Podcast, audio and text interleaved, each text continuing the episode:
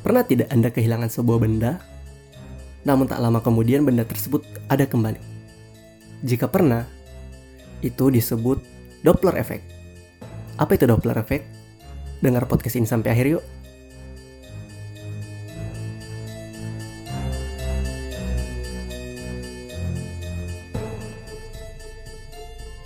Selamat datang di podcast Misteri Malam Minggu.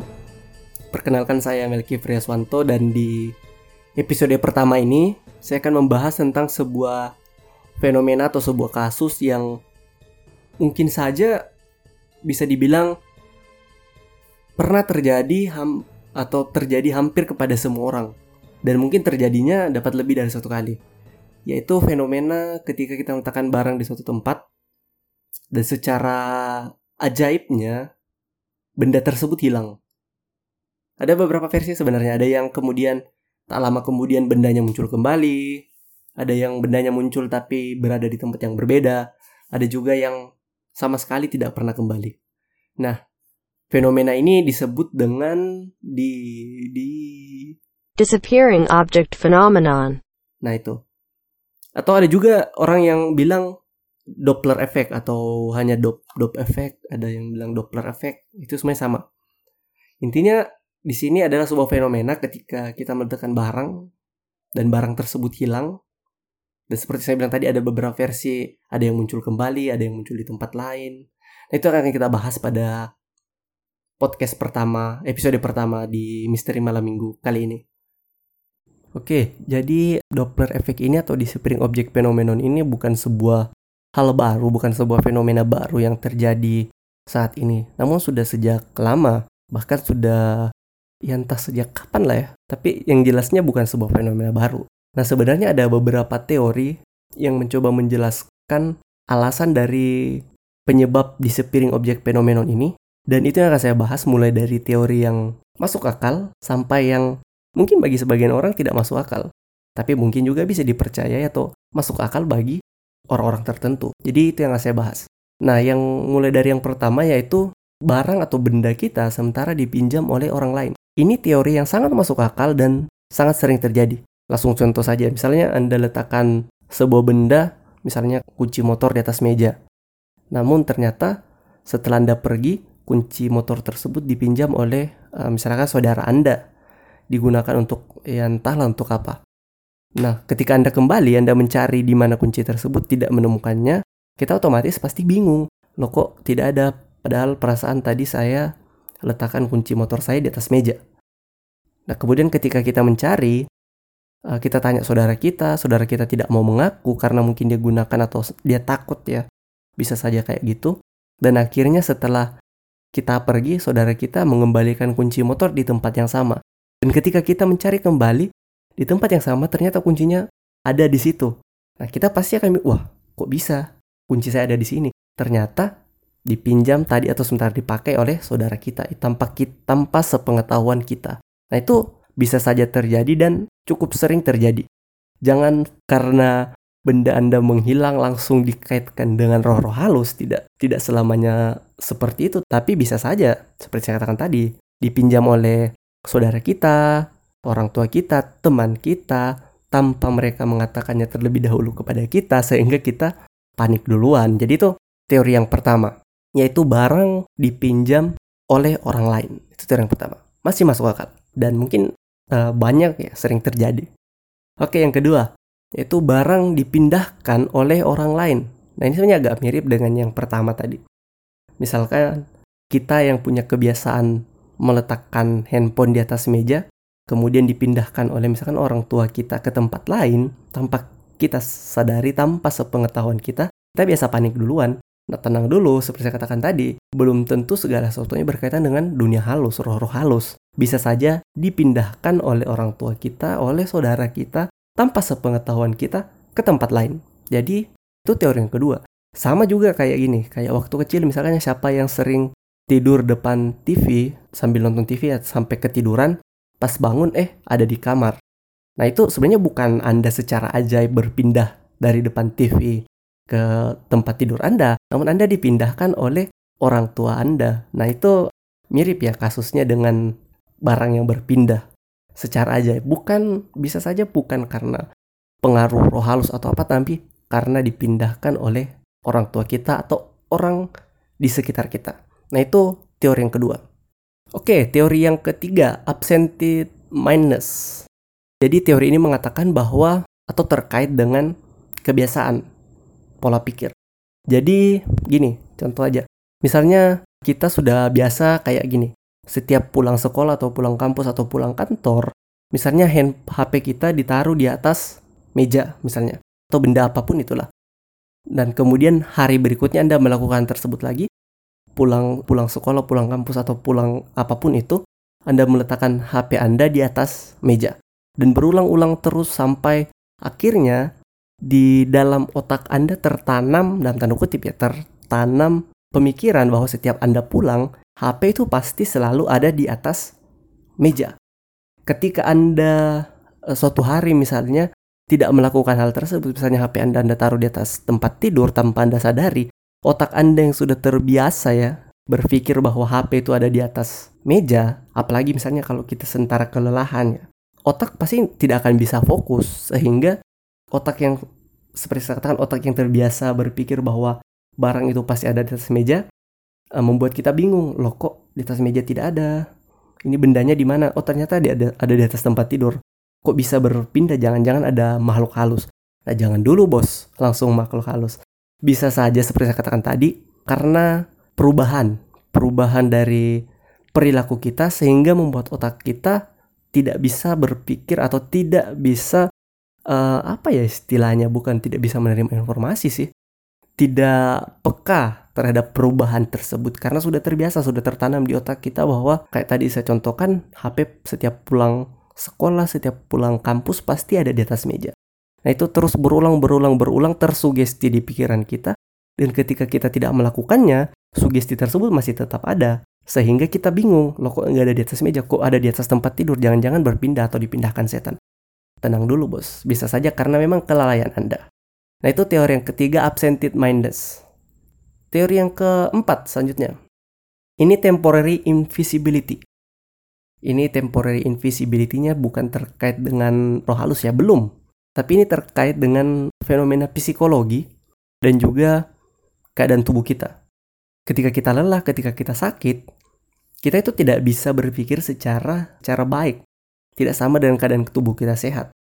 Sehingga benda yang ada misalkan di dekat kita, kita tidak bisa lihat bukan karena benda tersebut jadi bunglon atau ditutupi setan atau mata kita yang ditutup pakai tangan setan sehingga benda tersebut tidak bisa dilihat. Bukan seperti itu. Tapi bisa saja karena seperti saya katakan tadi, kelelahan. Itu sangat mempengaruhi ketika kita lelah, ada dekat kita, kita tidak bisa fokus loh. HP saya mana? Ternyata dekat saya. Itu bisa terjadi. Bisa juga karena ini situasi selective attention. Ini uh, selective attention itu situasi di mana kita menerima berbagai informasi sekaligus. Contohnya kayak gini. Misalnya kita lagi cari HP kita yang entah ada di mana, tapi ternyata ada di atas meja. Kita tidak sadar, kita belum sadar bahwa HP kita ada di atas meja.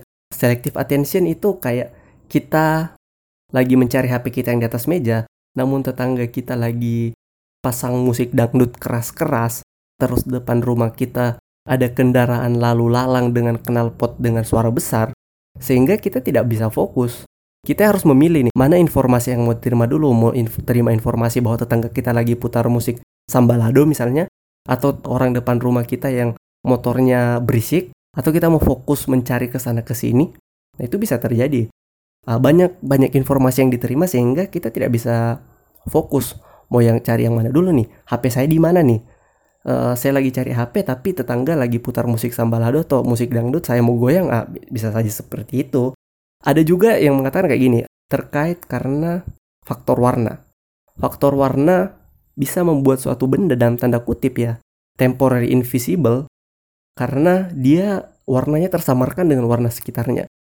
Ini pengalaman pribadi juga saya pernah meletakkan sebuah buku warnanya agak uh, hijau-hijau muda gitu ya uh, di atas meja dengan dinding yang warnanya hijau juga sehingga waktu saya cari agak bingung karena seperti saya katakan tadi dia tersamarkan oleh warna sekitarnya. Bukan berarti benda kita itu jadi bunglon dan tanda kutip menyesuaikan dengan warna sekitarnya tidak. Tapi karena memang faktor uh, mata kita misalkan seperti saya tadi kita kelelahan dan warna uh, benda yang sementara kita cari dengan warna sekitarnya sama kita tidak bisa fokus untuk menemukannya apalagi jika ditambah situasi selective attention ketika banyak sumber informasi yang membuat kita harus memilih satu terlebih dahulu sehingga kita tidak bisa uh, menemukan benda tersebut itulah teori temporary invisibility. Jadi temporary invisibility ini bukan terkait bukan yang terkait makhluk halus ya. Jadi memang karena bisa saja faktor psikologi, bisa karena faktor kelelahan. Selanjutnya adalah ini teori kesukaan atau teori yang mungkin dipercayai oleh banyak orang di Indonesia, yaitu disembunyikan atau dipindahkan oleh hantu, oleh setan, oleh oleh roh halus atau whatever you say it.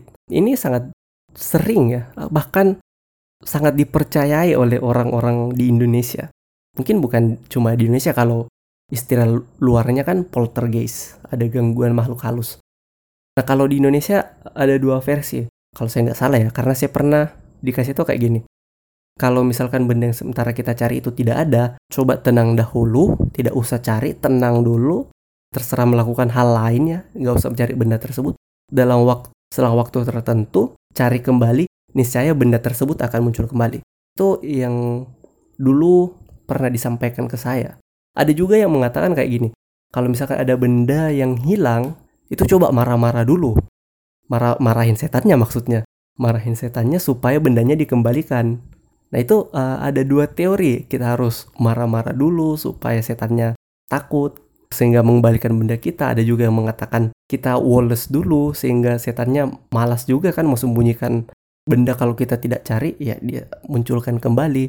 Nah itu teori yang sangat-sangat dipercayai oleh hampir ya, hampir oleh seluruh orang Indonesia bahwa ketika ada benda yang menghilang bisa saja karena disembunyikan atau dipindahkan oleh setan. Nah itu teori yang kelima. Teori yang selanjutnya, teori yang keenam mungkin ini bagi sebagian orang mungkin tidak masuk akal ya karena ini berkaitan dengan dimensi. Teori yang keenam adalah dimensional shift atau perpindahan antar dimensi. Mungkin sekedar info ya, kita ini berada di dimensi ketiga. Beberapa orang mengatakan seperti itu ya, banyak orang yang mengatakan seperti itu bahwa kita ini hidup di dimensi ketiga. Dimensi pertama itu kalau dalam fisika atau matematika ya, itu titik. Jadi hanya ada satu satu gitu, satu titik aja. Kemudian dimensi kedua itu ada panjang dengan lebar. Benda yang memiliki panjang dengan lebar. Contohnya bangun datar. Itu kalau di matematika kayak gitu kan. Persegi itu bangun datar karena punya panjang punya lebar itu benda dua dimensi. Nah kalau benda tiga dimensi itu yang punya panjang lebar tinggi. Kita ini tiga dimensi kita bisa melihat seseorang atau orang lain atau benda lain itu dari berbagai sisi. Itu tiga dimensi. Nah ada yang mengatakan atau ada penganut-penganut teori yang nama teorinya adalah teori string atau super string. Mereka berpendapat kayak gini. Dimensi itu tidak cuma tiga, tapi ada lebih. Ada lebih dari tiga, ada empat, ada lima, bahkan ada yang mengatakan ada sepuluh dimensi plus satu dimensi waktu. Jadi tidak cuma dimensi ruang kayak gini, ada satu dimensi waktu juga. Itu pendapat orang yang percaya teori super string kayak gitu. Jadi ada dimensi keempat, ada dimensi kelima, ada dimensi sampai dimensi ke sepuluh, plus ada satu dimensi waktu. Ada yang mempercayai kayak gitu. Nah hubungannya dengan disappearing object phenomenon, ketika Anda meletakkan suatu benda, benda tersebut bisa saja berpindah, kan kita di dimensi ketiga nih. Misalnya benda kita itu berpindah ke dimensi keempat secara entahlah bagaimana. Saya juga tidak bisa menjelaskan uh, lebih jauh ya kalau soal dimensional dimensional kayak gini, tapi bagi saya ini menarik dan mungkin bisa dibilang masuk akal bagi saya. Bahwa ada dimensi-dimensi lain yang kita tidak sadari. Nah, ketika kita meletakkan benda, benda tersebut berpindah ke misalnya kayak ke dimensi keempat atau dimensi kelima. Kemudian nanti dia kembali atau dia tidak kembali ya. Itu suatu hal yang tidak bisa kita kendalikan. Jadi ada yang mengatakan kayak gitu. Jadi dimensional shift ini terkait dengan dimensi-dimensi yang banyak gitu. Dimensi-dimensi selain tempat atau dimensi kita berada. Jadi ada yang mengatakan, oh ya ada juga yang mengatakan kayak gini, hantu itu sebenarnya kan hidup di dunianya mereka. Nah, dia mengatakan kayak gini, dunianya mereka itu adalah dimensi keempat. Jadi bukan uh, tempatnya bukan kayak kita, bukan di dimensi ketiga, mereka ada di dimensi keempat. Berbeda dimensi dengan kita. Secara tidak langsung sebenarnya ini teori dimensi kalau teori konspirasi ya, sorry. Kalau teori dimensi itu berhubungan dengan uh, hantu itu bisa masuk akal. Jadi hantu itu sebenarnya ada di dimensi yang berbeda dengan kita. Itu kalau penganut teori superstring pasti percaya hal seperti itu hantu itu sebenarnya bukan bukan makhluk halus yang sekedar ada di sini saja namun mereka ada di dimensi yang lain. Jadi itu teori yang keenam yaitu dimensional shift itu benda yang kita letakkan di suatu tempat secara ajaibnya berpindah ke dimensi yang berbeda. Jadi itu teori yang keenam. Oke, lanjut. Yang ketujuh adalah teori parallel universe. Nah, ini menarik juga nih. Teori parallel universe karena berkaitan dengan alam semesta yang lain. Mungkin bagi sebagian orang, ah, pasti sudah tidak masuk akal penjelasannya.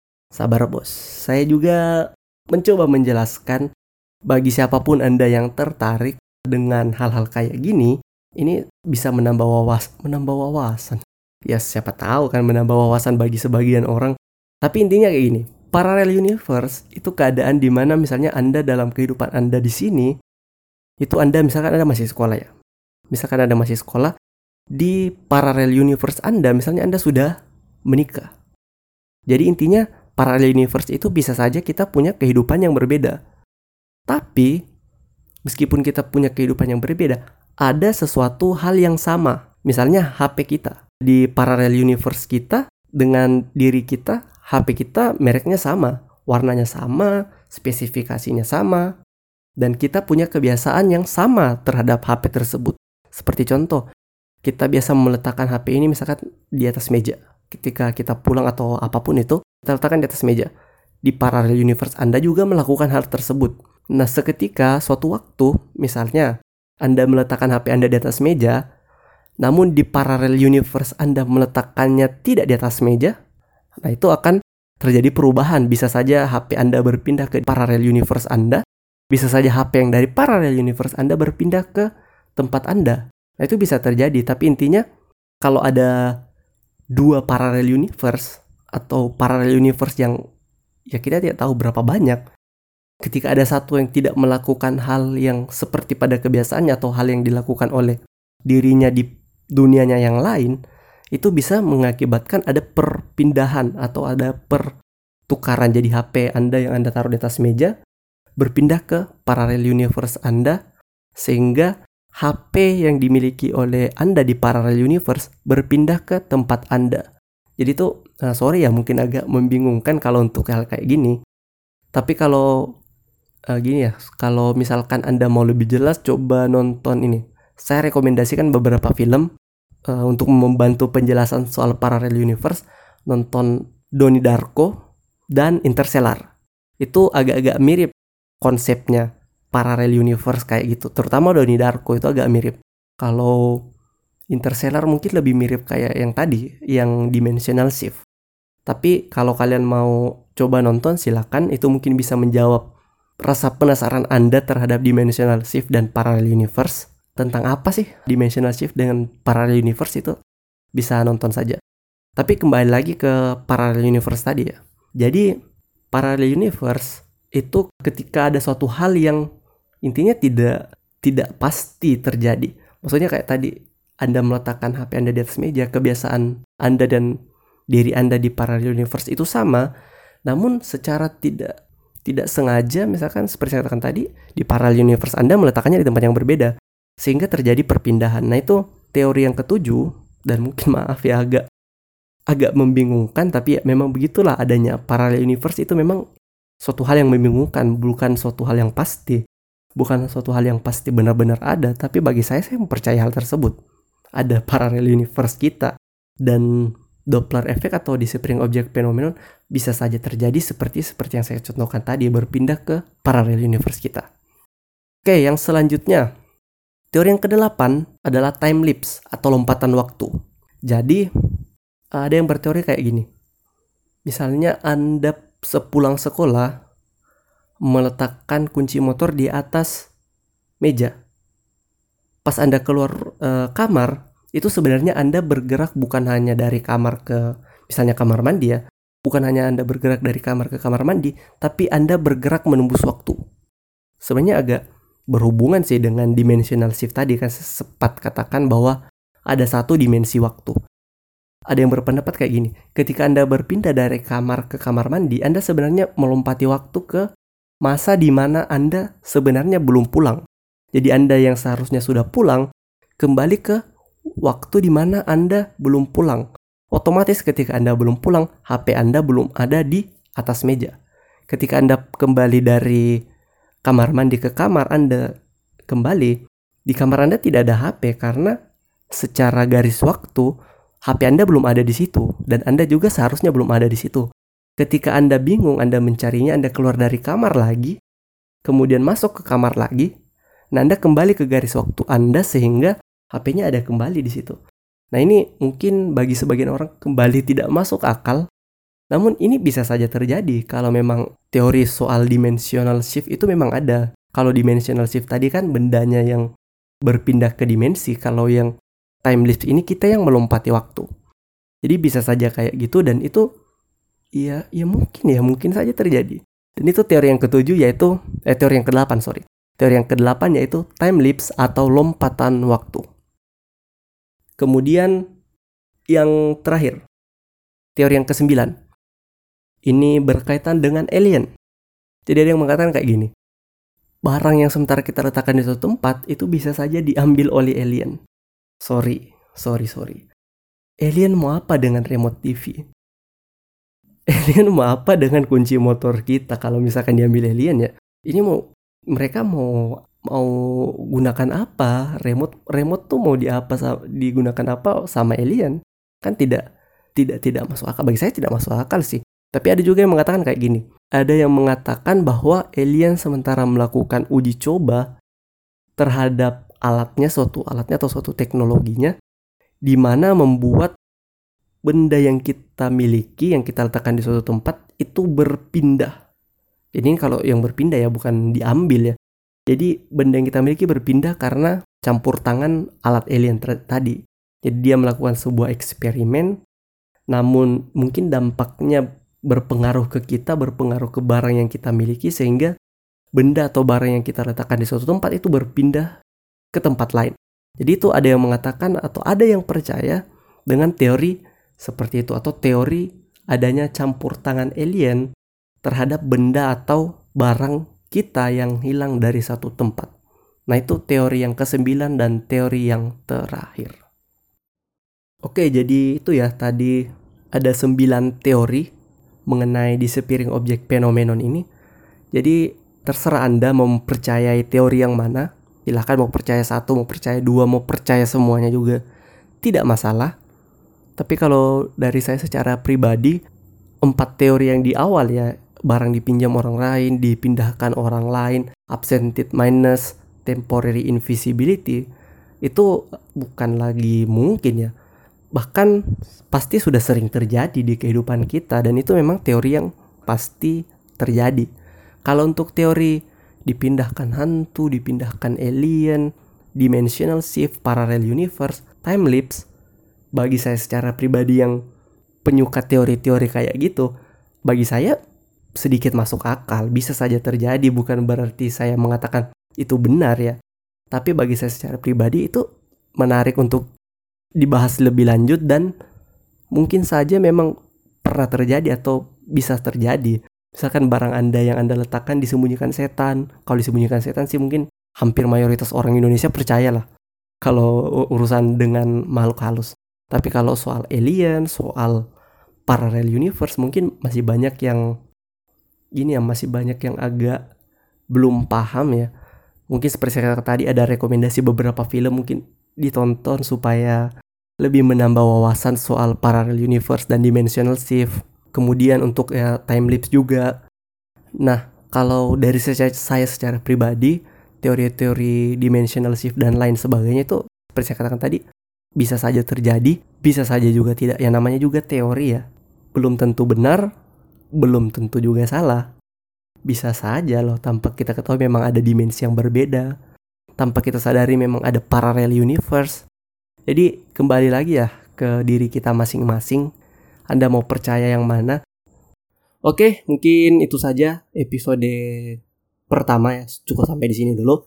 Episode pertama podcast Misteri Malam Minggu. Terima kasih untuk sudah mau mendengarkan. Mohon maaf kalau misalkan masih banyak kekurangan di episode pertama ini. Semoga ke depannya saya bisa lebih baik lagi menyampaikan podcast ini dan semoga Anda masih tetap mendengarkan Misteri Malam Minggu. Oke, selamat bermalam minggu. Saya Melki Freswanto. Sampai jumpa.